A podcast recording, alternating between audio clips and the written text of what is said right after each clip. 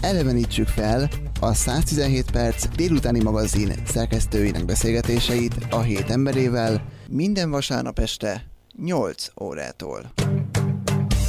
A 117 perc embere ezen a héten.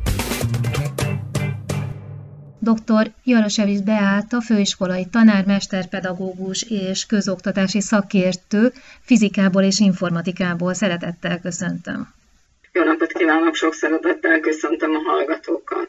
A fizika sokak számára egy kicsit idegen terület, mert a, aki nem foglalkozik fizikával, az úgy érzi, hogy hát olyan messze van ez a terület tőlünk. Én nagyon sokáig barátkoztam vele, még végül is megbarátkoztam ezzel a tudományággal és tantárgyal annak idején. Ön rögtön vele szeretett, mert önnek alapvetően természettudományi érdeklődése volt, vagy pedig volt egy olyan tanára, akinek sikerült felkelteni az érdeklődését a fizika iránt? Az az igazság, hogy a fizika megszerettetése már kiskorban kezdődik, és nálam is így volt ez. Én tanár, tanárszülők családjába születtem, uh-huh. tehát édesapám matematika, fizika szakos, édesanyám magyar szakos. Már az első osztályos koromtól kezdve én feljártam édesapámhoz a fizika laborba, és ahogy csak ideje engedett, foglalkozott velem, illetve én nagyon-nagyon szerettem az óráit hallgatni, és ahogy csak tudtam egy kicsit, és a kezembe vettem az eszközöket, és kezdtem vele kísérletezgetni. Az első ilyen alkalom volt a az egyik tizedik osztályba tartott órája, amikor éppen a mágneses erővonalaknak a megjelenítését mutatta be az akkori technikával, mm. és megszórta vasreszedékkel a mágnes rúdat, egy letakart üveglapon, és ez gyönyörűen kivetítette az akkor írás vetítővel. Hát az egész osztály lelkes volt, és nagyon-nagyon nagy élményt jelentett, de nekem, mint 6-7 éves gyereknek, meg még nagyobb élményt. Hát ez volt az első lökés, azt gondolom, ami után én nagyon szerettem a fizikát, és folyamatosan az iskolában matematika-fizika tagozzatos diákként tevékenykedtem, jártam, és osztálytársaimmal együtt délutánonként fizika szakkörre visszajártunk az iskolába. Tehát igenis azt gondolom, hogy édesapámnak a őkése, még akkor is, ha nem nagyon akarta, hogy tanár mhm. legyek, de nagyon sokat jelentett az, hogy megérintett a fizika iránti szeretet. Természetesen ehhez még az is hozzájárult, hogy nagyapám is nagyon reál beállítottságú volt, ő is ennek az iskolának az igazgatója volt annó, Nagyenyedi Betlen Gábor kollégiumnak, és ő is igazából hát otthon barkácsolt, szeretett természettudományjal foglalkozni, annak ellenére, hogy végül is latin, francia szakos tanári végzettsége volt, de mégis a matematika, fizika az hozzá is nagyon közel állt. Tehát ha azt vesszük már, most is azt gondolom, hogy kisgyerekkortól kezdve a nagyon meghatározó, hogy az embert milyen, milyen lehetőségek érintik meg. Később édesapámmal az első karácsonyfa izzókat elkészítettük, tehát ami akkor igazából egyszerű forrasztással mm. készült, és pesgős dugokat gyűjtöttünk össze, ezeknek fele fehér maradt, felét mm. pedig befestettük pirosra, és így ilyen gomba formátummal, tehát egy egyszerű egyen áramú tápfeszültséggel, egy akkumulátorral kötöttük össze. Nyilván ezt ő csinálta, inkább én csak asszisztáltam akkoriban, és lett egy nagyon szép hát karácsonyfa izzong. Annak idején ilyet nem lehetett kapni, tehát az volt az első ilyen nagyobb alkotás. Később pedig felkerültem a Kolozsvári Egyetemre, Bábes Bolyai Tudomány Egyetem fizika szakán 86-ban kezdtem tanulmányaimat, nagyon szerettem, és főleg annak ellenére, hogy a szilárd testfizika csoportban jártam, inkább a magfizika, nukleáris fizika érdekelt, de Sajnos akkoriban elég nehéz időket éltünk, és nem igazán tudtunk sok külön ötletet bevinni, uh-huh. vagy kísérletezni. Elvégeztük a szokásos laborgyakorlatőimokat, ami szükséges volt, de így pluszban nem nagyon tudtunk kutatómunkát végezni. A mai diákoknak nagyon nagy szerencséje van, hogy már a középiskolában minikutatásokat tudnak kezdeményezni tanárokkal együtt, amióta folyamatosan az Aliende közgazdasági fővárosi gyakorló kollégiumban később nevet váltott, dolgoztam. Hát öt éven keresztül én is egy tehetséggondozó csoporttal foglalkoztam, és részt vettünk a Tudományért projektben, de hogy csak tehettem, bevittem a diákokat a mi egyetemre, és kisebb kutatásokat végeztünk már 9-10. osztályos koruktól kezdve. Tehát ez egy hatalmas előny a mai diák számára, hogy teljesen másképp kezdheti a kutatásba való elmélyülést, mint annak idején. Hát Én az egyetemet követően hát mindenképpen azt terveztem, hmm. hogy szeretnék kutatással foglalkozni, és szeretnék jobban elmélyülni a nukleáris fizikában, sugárvédelemben, tehát mindenképpen a fizikában. És ez azt is jelenti, hogy gyakorlatilag a diákok nak rögtön közük lesz a dologhoz, ugye? Mert amikor az ember csak úgy elméletben tanul valamit, akkor az olyan absztrakt, az nem is tudja, hogy hogy kapcsolja a valósághoz, de amikor létrehoz valamit, vagy részt vesz egy kutatásban, akkor azonnal közeledsz hozzá, tehát a személyes élményévé válik, ami egy egészen másik szint, és akkor onnantól visszamenni az elméletbe, nyilván egy sokkal izgalmasabb dolog, hogy ami megtörtént, az miért történt meg, és akkor utána van egy ilyen folyamatos átjárhatóság. Így van, ez nagyon-nagyon nagy igazság, hiszen a diák csoporttal, akiket említettem, miután ugye nukleáris fizikából gammaspektrometriás méréseket végeztem, és egyetemi doktori fokozatot szereztem. Nagyon megszerettem ezt a témakört. A diákokat is arra ösztönöztem, hogy egész számlálással foglalkozzunk, vagy radioaktív, illetve környezeti mintáknak nézzük a radioaktivitását, tehát nem izotopokat vizsgáltunk, hanem környezeti mm-hmm. mintákat, de megnézzük ezt szó szerint kézzel megfogható kísérleti eszközökkel is. Tehát ezért jártunk be a műegyetemre, és ezért végeztük ott a kutatást, hiszen ott volt eszköz és lehetőségünkre egyáltalán program, amivel ezeket a spektrumokat kiértékeljük. De egész mást jelentett a diákoknak ezt megnézni, és azt a következtetést levonni, hogy az, hogy a kálium-40 bennünk is bennünk van, vagy egyáltalán mhm. a különböző aeroszolokban bizonyos izotopok benne vannak, már megszületésünktől, ettől nem kell félni, nem kell megijedni, uh-huh hanem tudatosan megismerni azt, hogy igenis van kozmikus sugárzás, az nem veszélyes, nyilván, ha csak valami nagy baleset nem történik, de hogyha ebben ezzel tisztában vannak, meg a atomenergiával való kapcsolatra is mindenképpen föl kell hívni a diákság vagy a társadalom figyelmét. Ha ismer valamit az ember, akkor nem fél tőle. Tehát ez egy, ez egy folyamatos tanulást jelent a diákoknak. Az fontos, hogy legyen olyan tanár, legyen olyan valaki, aki felkarolja őket és bátorítsa, hogy merjenek kutatni. A legtöbb hát... diáknál ezt látom nagyon nagy problémának.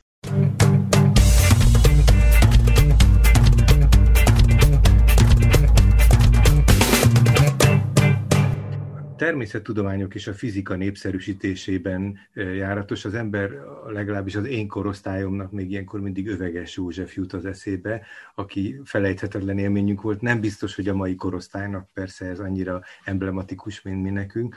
És az jutott eszembe, hogy, hogy mintha mi, még ma is milyen hátrányos helyzetben lenne a természettudomány, társadalomtudományokhoz, vagy a humán tudományokhoz képest. Nem tudom, hogy ez csak a kívülálló érzékel így, vagy ön is, aki egyszerre gimnáziumban is, meg, meg egyetemen is tanít. Igen, nagyon jogos a kérdés, és nagyon örülök a kérdésnek, hiszen naponta ezzel a problémával küzdünk, hogy a diákok teljesen elfordulnak a természettudományos tárgyaktól, és nem igazán érdeklődnek a fizika, illetve akár most már mondhatom, hogy informatika iránt sem.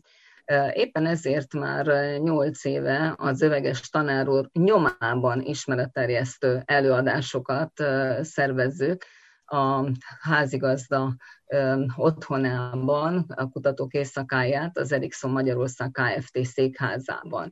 Ezen a rendezvényen pontosan azt szerettük volna, és azt értük el eddig, nem ebben a covidos évben, ez előző nyolc évben, hogy a gyerekek oda jöhettek osztályokkal, osztályfőnökkel, és olyan kiemelkedő tanár kollégákat hívtunk meg egy egész délutánra, hogy előadást tartsanak a diákságnak, amivel pontosan megszerettessék a diákokkal a fizikát, és ott a gyerekek maguk is odaülhettek, és akár ki próbálhatták az adott kísérletet. Nagy öröm volt ez az Ericssonnak is, hogy ez náluk került megvalósításra. Indult egy egyszerű ötletből, és végül is a Guinness rekordokba is majdnem, hogy bekerültünk, hiszen ott közösen az Ericsson régi székházában énekeltük az örömódát, és próbáltuk ugyanakkor a hangtanba bekapcsolni a gyerekeket. Most azt el kell, hogy mondanom, hogy olyan tanárok tartották ezeket a foglalkozásokat, akik maguk is, mint én is, Erikson díjas tanárok, és pontosan azért díjazta Magyarország az Ötvös Lórend Fizikai Társulattal együtt, ezeket a tanárokat pályázat útján, mivel ezek a tanárok sokat tesznek a fizika iránti népszerűsítés érdekében. Tehát öveges tanár úrnak a nyomdokában igenis járunk, és szeretnénk a továbbiakban is járni. Olyan sikeres lett ez a program, hogy délután fél négytől éjjel 12-ig is ott szoktak lenni. A hat éves gyerektől kezdve a 20 akár felnőttek is, és részt vesznek ezen az élő són, tehát több mint 12 órán keresztül hallgatják a fizikát. Nem mindenki ugyanaz természetesen, cserélődnek a csoportok, de hatalmas élményt jelent. Azt gondolom, hogy ahhoz, hogy a gyerekek megszeressék a fizikát, már most, már kiskorba kell egy lökést adni. Most ez a kutatók éjszakája mozgalom, ez pont erről szól. A másik lehetőség az, hogy az iskolában szakköröket szervezzenek a tanárok, és valahogy akár a Szilárd Leó versenyre felkészítsék őket, feladatot próbáljanak oldatni, a kollégák folyamatosan kísérletezzenek, és kísérleteket készítessenek a diákokkal. Tehát ez egy megint egy lehetőség. Én évekig az Uta Tudomány projekt keretében kutatócsoporttal bejártam a Műszaki Egyetemre, és ott használtuk az eszközöket, és végeztünk méréseket, illetve kutatásokat a gyerekekkel. Hadd kérdezem, hogy a pedagógusok, a mai korosztály pedagógusok erre a elég nagy kihívásra igazából fölkészítettek, vagy fölkészültek? Tudom, hogy ön az ő motivációjukkal vagy motiválásukkal is foglalkozik. A kísérletezés az több, mint pusztán egy pedagógiai ismeret, hát nyilvánvalóan itt, itt esélye van a gyerekeknek arra, hogy test közelben, vagy hogy mondjam, tevőlegesen megpróbáljanak, megtapasztaljanak dolgokat, de hát ehhez nagyon olyan pedagógusok kellenek, akik ezt szívesen vállalják. Ez mennyire jellemző a mai pedagógiában általában? Nagyon jó a kérdés. Az a fő probléma, hogy legtöbb iskolában nincs szertáros, nincs hmm. olyan asszisztens, aki a kísérleteket előkészítse. Réges-régen, még a nagypapám korosztályában volt laboráns, aki előszette az eszközöket, segített a fizikatanárnak előkészíteni, volt elég idő erre a mai 20 akárhány óra mellett, terhelés mellett ez nem lehetséges. A Gábor Dénes főiskolán is tanítok fizikát, villamosságtant, ott pedig azzal a nagy problémával küzdök, mint más főiskolán is, hogy hiába van fizika előadás, nincs fizika előadó, nincs szertárs, semmi nincs, csak gyakorlatilag virtuálisan videón tudom bemutatni a kísérleteket. Most videón bemutatni nagyon jó ebben a korszakban, Covid idejében, de nem ugyanaz az élmény, meg az óraszám sem engedi, hogy maga a diák elvégezzen egy labormérést, vagy bármilyen kísérletet. Ugyanez a probléma a középiskolában is, hogy olyan kevés fizika óra van már beiktatva a tanmenetbe, hogy egyszerűen nem elég kísérletezni is, az elméletet is megtanítani, és egyszerűen olyan alapismeretek nélkül kerülnek be a főiskolára, ezt tapasztaljuk a diákok, hogy nincs mire építeni. Sajnos a mai pedagógus társadalom nem nagyon tud mit kezdeni ezzel a problémával, évek óta pontosan ezért harcolunk, már 2001 óta. Nagyon sok olyan pozitív lehetőség van viszont most, hogy a mobiltelefont alkalmazzuk mérésekre.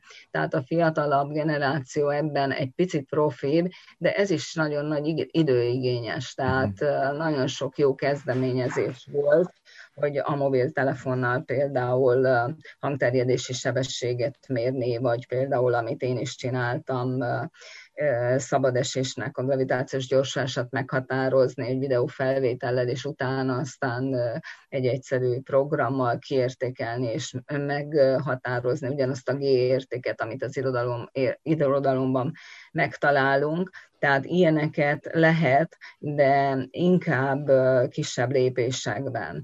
Tehát nagyon kis csoportokkal, és hát szét kéne választani mindenképpen a 32 fős osztályokat csoportokra. Én annak idején matematika-fizika tagozatos csoportban jártam, 18-an voltunk egy uh-huh. csoportba, tehát több, nagyobb létszámmal ezt nem lehet megcsinálni. És tanórán, tanórán kívül, vagy hát ha az előbb azt kérdezem, hogy a, a pedagógusok, a tanárok mennyire motiváltak, a, a diákok eléggé motiváltak-e ahhoz, vagy van-e nyitottság erre felé, hogy ők akár a szabad idejükből is fordítsanak erre. Tehát, hogy milyenek a mai diákok, hát akár a középiskolás, akár az egyetemi szinten. Tudom, hogy erre nagyon nehéz differenciált választ adni, de mégis mi az, milyen domináns benyomásai vannak erről, vagy tapasztalatai?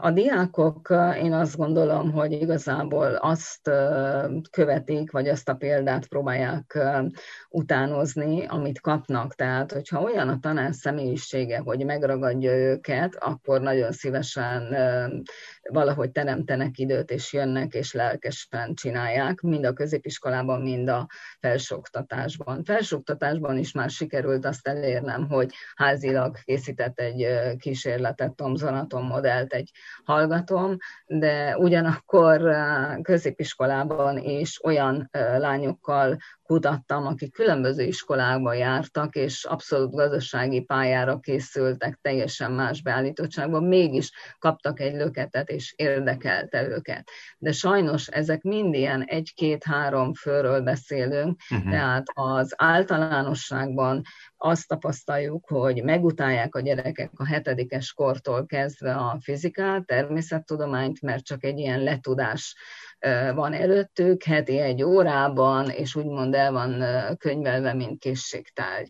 Tehát mindenképpen a színvonalat kéne, hát egyrészt az elismertségét a tárgynak, vagy a fontosságát központilag egy picit emelni, és akkor biztosan sokkal többet tudnánk elérni a diákokkal is. A tanárok jobban motiváltak, de főleg a, a lelkes tanárok. Hát ahogy a más területeken is, de a pedagógusoknál különösen fontos, hogy, hogy nagyon különbözőek. Tehát, hogy gyakran becsukja valaki az ajtót magára, és akkor egy világ keletkezik egy osztályteremben, legalábbis nekem még ilyen emlékeim vannak, de még a gyerekeim történeteiből is tudok még ilyet konstruálni, és hát vannak a letudósok, ahogy mondta.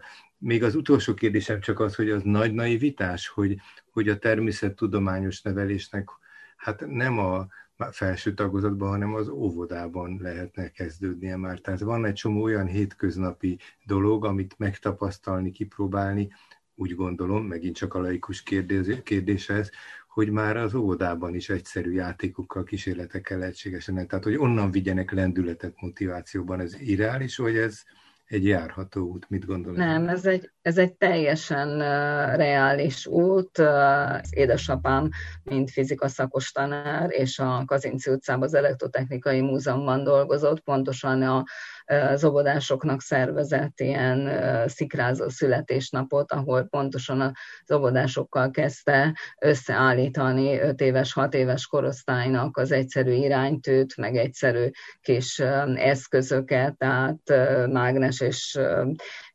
egyszerű kis motorokat, elektromos motorokat, amit haza is vihettek. Pontosan az volt a célja, hogy ünnepelték egy-egy gyerek születésnapját, de mégis megérintette őket a tudomány. Kapott egy löketet egy adott helyen. Teljesen mindegy, hogy hol kapja a gyerek, hogy a csodák palotájába, hogy a elektrotechnikai múzeumban mindenképpen kell, vagy a, a, akár a, rám nagyon hatott annak idején a, a Deutsches Múzeum Münchenben, vagy a Lavillet Franciaországban, Igen. tehát ezek mind olyan interaktív helyek, ahova a gyereket el kell vinni igen, minél előbb, annál jobb. És nagyon fontosnak tartom, hogy a gyerekek megismerjék azt, hogy mi veszi őket körül, mert akkor később, ha felnőnek, felelősen tudnak dönteni, és nem félnek az atomenergiától, nem félnek az újdonságtól, a bizonyos természettudományos döntéseiktől.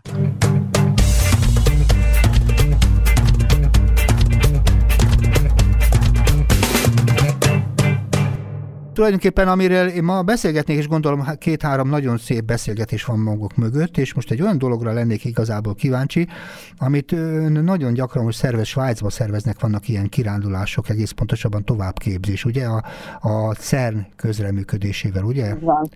E, és azért is érdekes, mert önmagában szerintem a fizika tanárnak nehéz lehet az életem, mert közben nagyon sok minden változik az életben, amit esetleg az egyetemen megtanult, ahhoz képest többször fordul a világ, ugye, gondolom és ezek a továbbképzésnek kulcsa van, és tulajdonképpen el lennék kíváncsi, hogy ez micsoda ez a svájci program, és tulajdonképpen mi történik ott, és egyáltalán miért jó ezt csinálni, mert ő már nagyon-nagyon régóta csinálja ezt. Hm?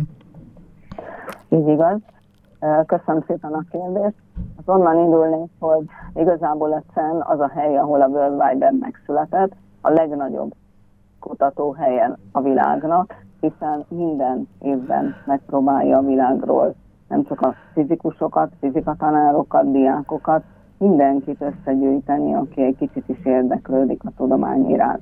Az 50-es évek elején az európai kutatók és politikusok határozták el, hogy egy olyan laboratóriumot hoznak létre, ahol a kiváló fizikusok, illetve Európából is oda járnak, de majd később világkutató labor lett, és megpróbálják a diákokat is felkelteni a diákoknak is az érdeklődését. Itt uh, meg kell említenünk, hogy volt néhány alapító tag, mint Niels Bohr, uh, fizikus, illetve Sir George Thomson, akikről már a diákok is hallanak, illetve a tanárok is hallottunk annak idején az egyetemi képzésben. Uh-huh. Nem tudtunk még annak idején ide kijutni. Uh, ez annak köszönhető, hogy természetesen megalapították ezt a kutatólaboratóriumot, és Magyarország 1900 92-ben csatlakozott a Genfi kutatóhelyhez.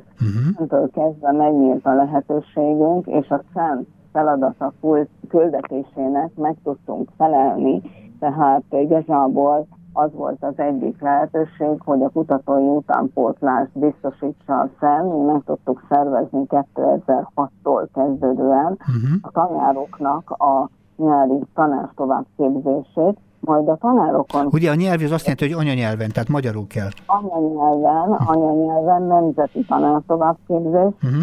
és ennek köszönhetően a tanárok, akik hazajöttek, és ott megtekintették a nagy laboratóriumokat, a, a részecske gyorsítót, le tudtunk menni, és tényleg láthattuk a legnagyobb kompakt solenoid detektort, ki tud, hazajöttek, elmondták diákjainak, és egy multiplikátor faktorként belelkesítették a diákokat, ki tudták vinni később a diákjaikat, és egész osztálykirándulásokat szerveztek uh-huh. ez a helyről az országból.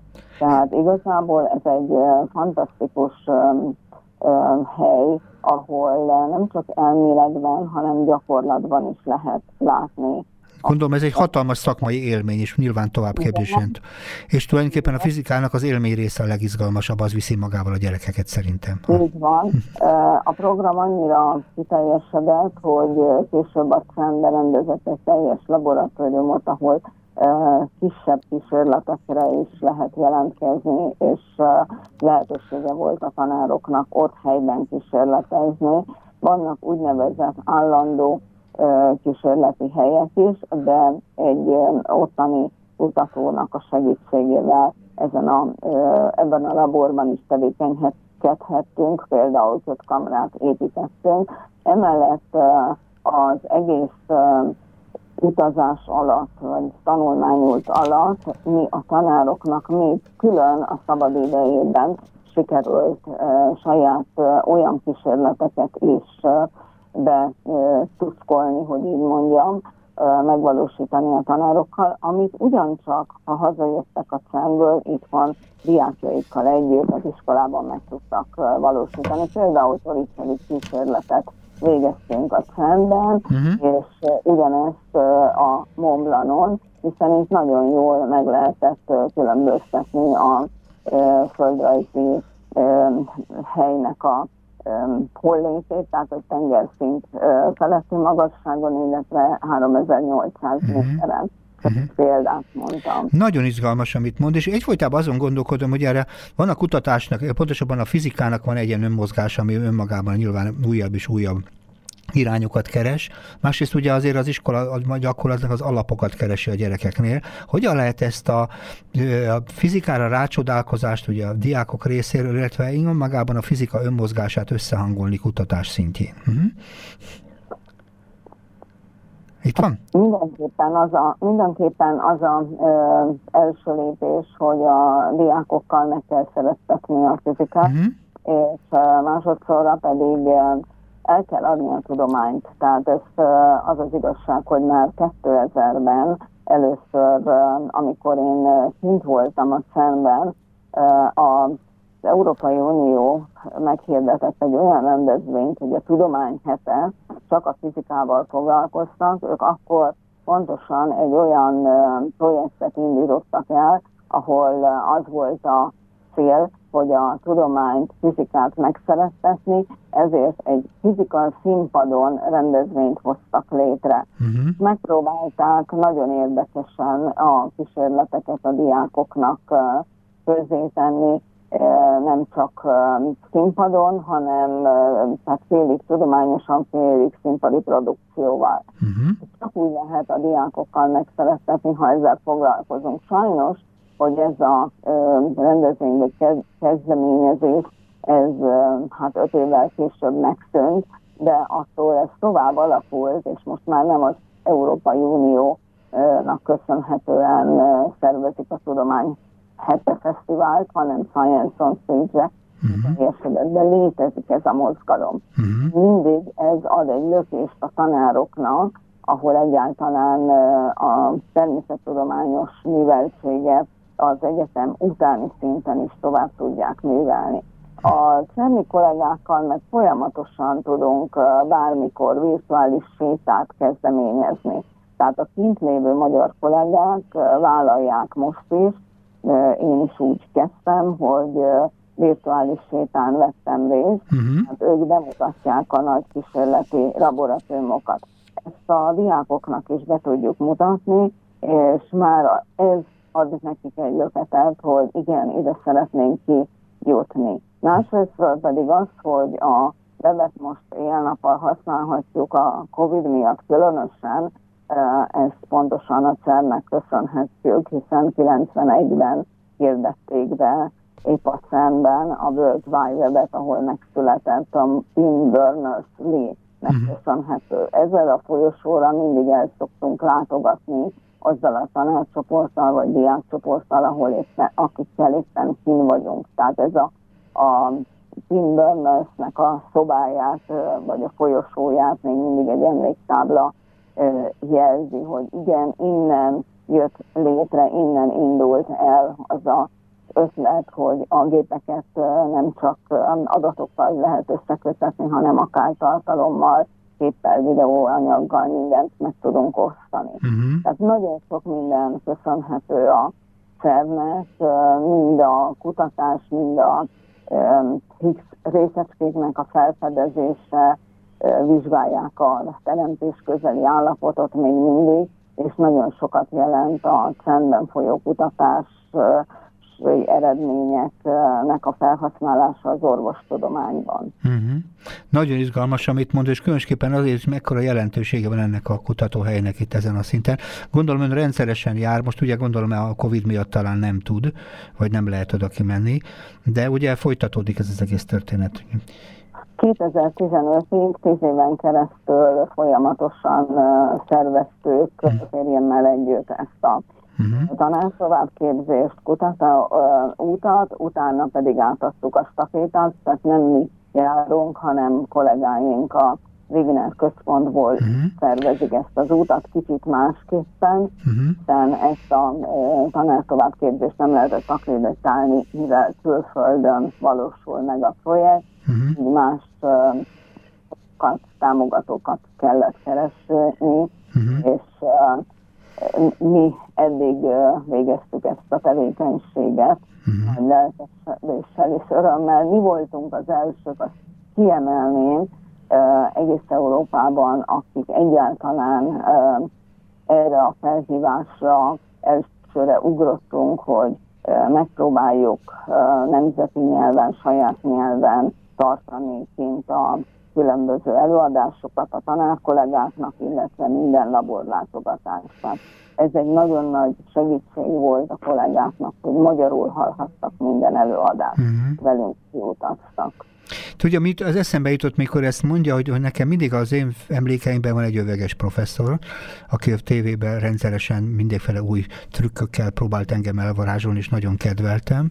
És még volt egy olyan, régen egy olyan folyamat, ami, ami különböző fizikai versenyeket jelentett a televíziókban, amiben részt vettek szülők, gyerekek, felnőttek és laikusok is, és igen izgalmasan lopta be a mi mindennapi ismereteinkbe azokat a fizikai dolgokat, ami aztán most a fizika órákon később aztán megjelent nekem az iskolába. Ezek most nincsenek. Uh-huh. Hát fizika versenyek azért vannak. Hát, hát a tévében nem nagyon sokat látok. Ez a, tévében nem, nem nagyon vannak, pedig nagyon jó volt a kimiben tudós fizikából. Például, igen. A tévében, tehát ez nagyon nagy lehetőséget jelzett. Amit most kiemelnék, a Szilárd Leo fizika verseny, Aha. olyan csapatok járnak, akik nem csak elméleti feladatokat oldanak meg, hanem ott a helyszínen kísérleteket, kell, hogy értelmezzenek, megvalósítsanak, és emellett pedig egy nagyon komoly informatikai háttérrel is kell rendelkezzenek, hiszen a szimulációs pro- programot, problémát kell megoldjanak. Uh-huh. Van egy szimulációs feladat, amiből mondjuk ki kell találni, hogy éppen hol van egy mondjuk radioaktív uh-huh. anyag, előrejtve például mondjak egy példát a gyertyában. Uh-huh. Ezzel a logikus gondolkodásukat, a igazából probléma megoldásukat is lehet fejleszteni, és hogyan találják fel magukat abban a pillanatban. Uh-huh. Persze a fizika tudás. Tehát ez egy nagyon komplex verseny, én azt gondolom, hogy ez manapság is nagyon jól működik. Még van ilyen verseny az általános iskolában is, mint soselemér verseny, amit a Sashalmi tanoda szervez, uh-huh. és például a kísérletezésen van a hangsúly. Uh-huh. Tehát ezeket a versenyeket én nagyon tudom javasolni minden hallgatóknak, uh-huh. hogy a gyerekeket erre kellene rámozdítani, ahol kézzelfogható eszköz is kerül a gyerek kezébe, uh-huh. nem csak egy egyszerű feladat megoldás. Nagyon jó is az elméleti megoldás, de ahol a diákok kísérleteket is tudnak készíteni, ez jobban motiválja őket. Uh-huh. Igen, mert én szerintem is a fizikának az a része érdekes, amikor a gyerekek még találkoznak a fizikával, és választani tudják a fizikát. Mert aki benne van, azt már úgy viszi a, a, a gépszé, hogy fogalmazom ezzel a történettel, ami pontosan a CERN-nek igazából az izgalmas kihívása, de, de hogy közelebb kerüljünk a fizikához a hétköznap emberként, ehhez, ehhez az ismeretbővítés, ismeretterjesztéshez, igenis izgalmasak azok a műsorok, amiről maga is úgy beszélt, meg nekem az öveges professzor természetesen továbbra is, az ilyen etalonom, és mindig előttem van, ha ilyen tud okosan magyarázott, hogyan lehet otthon a, normális eszközekből tulajdonképpen izgalmas kísérleteket csinálni. Uh-huh. Igen, hát ez még azt érdemes hozzátenni, hogy most is van néhány, illetve Covid előtt még van, volt olyan program, hogy út a tudományért, és ennek keretében kisebb kutatócsoportoknak volt lehetősége kisebb kutatásokat akár az iskolájukban végezni, akár egy egyetemmel együttműködve végezni. Diákjaimnak én is ebbe bekapcsoltam, és mi is bejártunk a Budapesti Műszaki Egyetemre, és kutatást végeztünk használva az ottani eszközöket. Uh-huh. Más például Bármadosnak a diákjai följártak a Wigner központba, és egy egyszerű kis detektort próbáltak építeni, tehát nagyon-nagyon sok lehetőségük van most a diákoknak. A, a zentai diákok járnak folyamatosan a Szegedi Egyetemmel együttműködve kutatgatni, tehát olyan lehetőségek nyíltak a diákok számára, hogy ténylegesen csak a tanártól függ, hogy megtalálja azt a lehetőséget, hogy hova lehet esetleg bekapcsolódni. Nagyon Nagyon-nagyon nagy haszna van, mert a természettudományos diákalkotó műhelyen, ahol évente zsűriben szoktam tevékenykedni, ott látjuk a visszacsatolást, hogy milyen értékek kerülnek ki a tanárok kezéből, tehát milyen uh, fantasztikus kutatás valósulnak meg bizonyos diákok körében. Tehát ott lehet ezeket látni.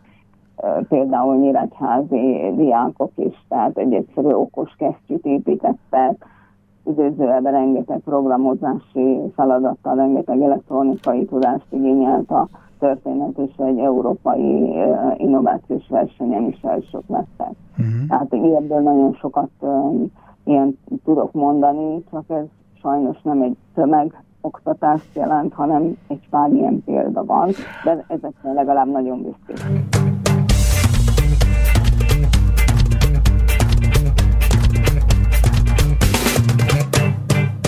Informatika körül forognak a beszélgetéseink, és az első beszélgetésünkben már megemlítettük azt, hogy milyen sokat tett azért, hogy népszerűsítse ezeket a tantárgyakat a diákok körében, és nyilván egyrészt azok a tapasztalatok, amiket ön személyesen a tanítás során, illetve a munkája során megtapasztalt és összeszedett, azok nagy mértékben segítenek, de ön nagyon sok nemzetközi szervezetnek és oktatási projektnek is a tagja és résztvevője, többek között a European Schoolnetnek is.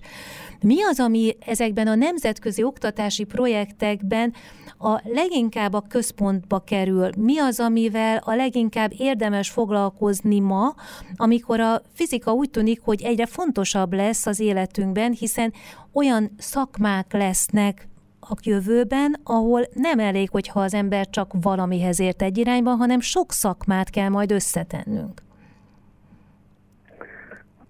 Mindenképpen nagyon fontos azzal kezdeni, hogy a fizikát már gyerekkortól kezdve megszeretessük.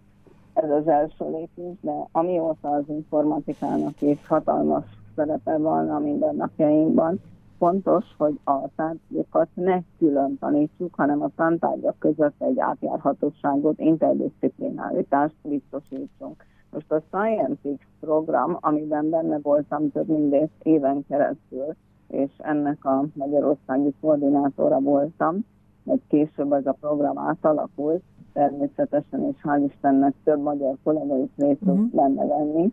Ennek az volt a fő célja, hogy olyan kísérleteket tanáljon, olyan um, egyszerre megvalósítható méréseket, amelyet uh, egész Európában bármikor, uh, függetlenül a tantárgyaktól, függetlenül a tanártól ugyanegyszerre meg lehet valósítani. Hát nagyon-nagyon régre visszamenve volt az első ilyen mérés a napállandó mérése, amit ugyanakkor kellett minden országban elvégezni, és a mért eredményeket az internet segítségével azonnal közölni, és így a különböző országban mért napállandó értékeket az irodalmi értékkel össze tudtunk hasonlítani, és elindult a gyerekek között, a tanárok között egy kollaboráció. Majd ezt követve a Scientix kapcsán sikerült olyan kísérleteket, mérési jegyzőkönyveket föltölteni a Brüsszel által vezetett European Schoolnet oldalára, ami mint egy receptes könyvet használtak más országok, mm. és meg tudták valósítani.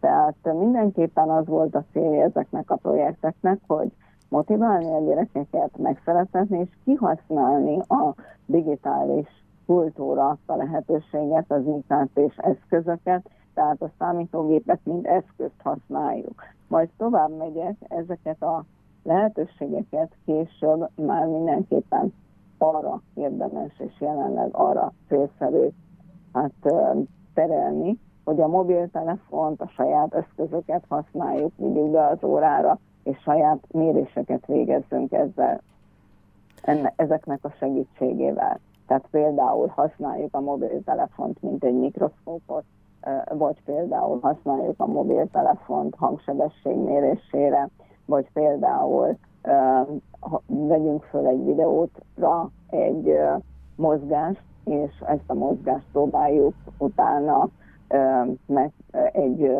másik szoftver segítségével lépésenként analizálni, és próbáljuk kiszámolni, hogy mekkora sebességgel mozgott az az objektum, vagy mekkora a gyorsulása. Tehát össze kell kapcsolni a fizikát, kémiát, informatikát, tehát a több tárgyat jelenleg. Ez a legfontosabb. Az nagyon izgalmas, amit mond, főleg az eszközhasználat ragadta most meg a figyelmemet, mert Rengeteget beszélünk arról, hogy hogy tudjuk a gyerekek eszköz használatát korlátozni, de sokkal kevesebbet beszélünk arról, hogy hogy tudjuk jó irányba terelni ezt az eszköz használatot. Értelmes dologra, amire valóban kitalálták őket, tehát hogy az aktivitását növeljük a fiatal generációnak, és ne pedig ezt a passzív nyomogatom a gombot, és nézek valamit, és amiket ön mond, az egy fantasztikus lehetőség arra, hogy valóban kihasználjuk ezeket az eszközöket. Értelmes célja, a gondolkodásunk fejlesztésére, és arra, hogy összekössük a valóságban felelhető különféle információkat. Így van, nagyon sok esetben a kollégák csak arra használják a mobiltelefont, ha egyáltalán engedélyezi az iskola, hogy mondjuk egy quiz kérdést a diákokkal végig nyomkodjanak, vagy Quahot, vagy uh-huh. Szokrat. Ez nagyon jó, ezt én is használom a főiskolai oktatásom alatt, mondjuk egy fejezet átnézésekor. Ez erre tökéletesen alkalmas a mobiltelefon, vagy egy e, egyszerű tankocka használatára. De ez azt gondolom, hogy nem elegendő, tehát mint fizikatanár és informatika tanár azt gondolom, hogy ennél többet tud a mobiltelefon, és ennek az értékét kéne kihasználni. E, például, mint egy inga, fölköthetjük a mobiltelefont, vagy akár csak a, a töltőjéről elkezdjük lengetni, és már is tanulmányozhatjuk a inga, inga mozgást. Ezeket a kísérleteket vagy lehetőségeket nyilván mi is tanuljuk, tanárok is, továbbképzésekre járunk, és mi is azt megnézzük, hogy például a Science on Stage-nek a szervezőbizottsága az velük együtt dolgozó partnerek, német kollégák, vagy francia kollégák, akik már ebben előbbre tartanak, mit csináltak, milyen publikációk jelentek meg etéren. Tehát nagyon sok olyan ténylegesen elvégzett méréssel találkozunk, amit mind itthon is meg lehet valósítani. Csak nyilván rengeteg plusz energiát igényel. Mennyire nyitottak egyébként a tanárok? Mert mondta, hogy a legtöbb esetben csak arra engedélyezik a telefon használatát, hogy egy-egy kvíz megcsináljanak. A tanárok nyitottsága az növekszik? Most például nagyon sok mindent nem lehet bemutatni például a, az iskolában. Lehet, hogy ezeknek az eszközöknek a segítségével még mi otthon is rengeteg mindent meg tudunk a gyerekekkel csinálni, hiszen a tanároknak nincs közvetlen kapcsolatuk most a diákok nagy részével. Hát azt gondolom, hogy most otthon környezetben a diák, nagyobb diákok, akik már ténylegesen használják az online felületet, és abban járatosak, nagyon könnyen meg tudnának csinálni néhány olyan kísérletet, amit így webkamerán keresztül megkérünk tőlük. Uh-huh. Tehát akár a mobiltelefon tudnák otthon hasznosan használni. Itt nagyon sokat jelent az, hogy a diákoknak milyen a hozzáállása. Én azt gondolom, hogy nem a tanár szempontjából nehézkes a dolog. Uh-huh. Nyilván a tanárnak is ki kell alakítani egy koncepciót, hogy mit szeretnék bemutatni, hanem a diákokat kéne valahogy jobban motiválni, mert a diákok is már mindenbe bele vannak fáradva, beleuntak, uh-huh. és ha nem szerettették meg velük hetedikes korban a fizikát, akkor most nagyon nehéz bármire rávenni. De hál' Istennek vannak ilyen diákok, vagy akár az otthoni konyhájukba, ha elvégeznek egy, kísérletet, akkor azt már, ha fölveszik, már azzal is előbbre vagyunk. De akár például egy görbeszkája, ha valakinek otthon van, rátesz egy almát, és akár a Newton törvényét megfigyeli, elindítsa a görbeszkát, azt figyeljük, hogy útközik a fallal, abban a pillanatban, amikor a falnak neki ütközik az alma, az menne tovább, le fog uh-huh. mert megtartja egyenesen jelenetes mozgási állapotát, a faltól pedig a gördeszka visszapattan. Tehát egy megfigyelésen alapuló kísérlet az Inquiry-Based Learningnek is hatalmas szerepe van a fizika oktatásban, és ez pont arra lenne jó, hogy a gyerek egyrészt egy hipotézist felállítson, hogy mi fog történni, megfigyeli, fölveszi videóra, és utána elemzi, és akkor egy-egy gyerekpárost el tudom képzelni, hogy megbeszéli, tehát használja a kollaboratív módszert így neten keresztül.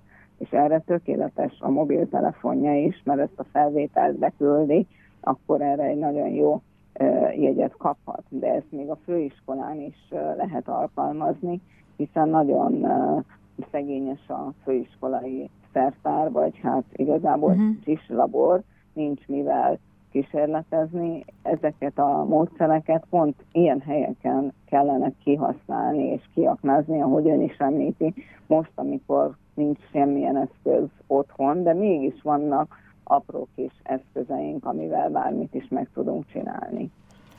Hát reméljük, hogy egyre többen fognak belevágni az ilyen kísérletezésekbe, mert hogy tényleg ez az útja annak, hogy értelmesen jól használjuk az eszközöket egyrészt, másrészt meg, hogy kinyíljon a világ a gyerekek előtt, és szívesen kutassanak, nézzék meg ezeket a természeti erőket, folyamatokat, hogy hogy működnek.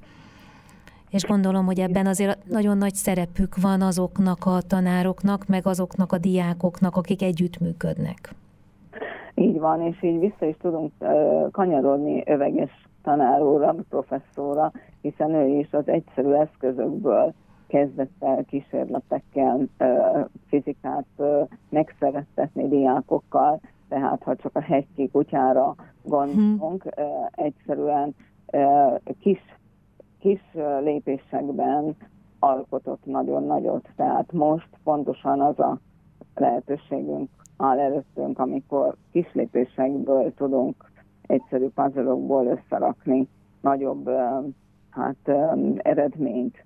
Tehát most a gyerekek ténylegesen otthon ülve sok mindent könnyebben meg tudnak csinálni, és jobban kiderül a saját kreativitásuk, vagy egyéni ötletük is. Persze tanári koordinációval, tehát semmiképpen nem gondolom, hogy bárki is otthon Isten őriz a lakást felgyújtsa, egy ufával kísérletezve, de nyilvánvaló egy például pesgő tablettát, ha betesz egy kis ecetes mondjuk kis petpalacba, és ráhúz egy lufit, rögtön meg fogja látni, hogy mi történik a lufival. Egy kis időt eltöltve rögtön látja, hogy a lufi föl fog fújódni. Tehát nagyon egyszerű kis otthoni eszközökkel lehet kísérletezni. Itt volt velünk most egy hétig, hogy érezte magát? Köszönöm szépen, nagyon izgalmasak uh-huh. voltak az interjúk, nagyon szívesen beszéltem arról a sok munkáról, amit eddig végeztem, és itt hadd még említsek meg egy dolgot, amit tényleg már hát mondhatok a hallgatóságnak, hogy 2019-ben a Nemzetközi fizika tanítási konferenciát szerveztük Budapesten, aminek több mint 300 résztvevője volt, és így próbáltuk az ötvös 100 centenáriumi év keretében ötvös Lórán munkásságát is előtérbe helyezni, illetve visszaemlékezni, és nagyon-nagyon hát sok fizika tanárnak adott új ötletet a konferencia, egy, egy, elindított egy hatalmas kollaborációt, amit hasonlóképpen a Science on Stage, a fizika és módszervásár, most már nem csak fizika, hanem science, tehát több tárgy is benne van, kémia, biológia, uh-huh. matematika, informatika, ugyancsak jelent a tanárok számára, és erre a következő eseményre majd novemberbe kerül sor a hazai selejtezőre.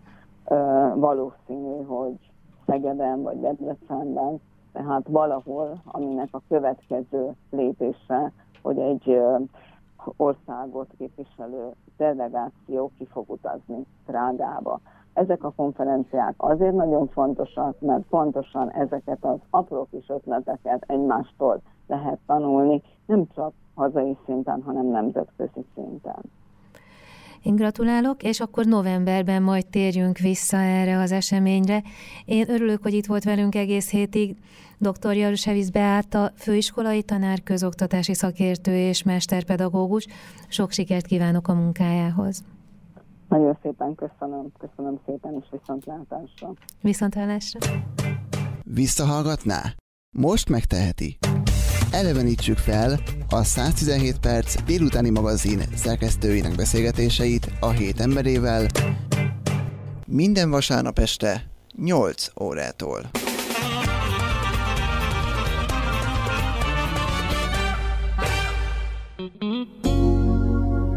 Önök a civil rádiót hallják. Thank you.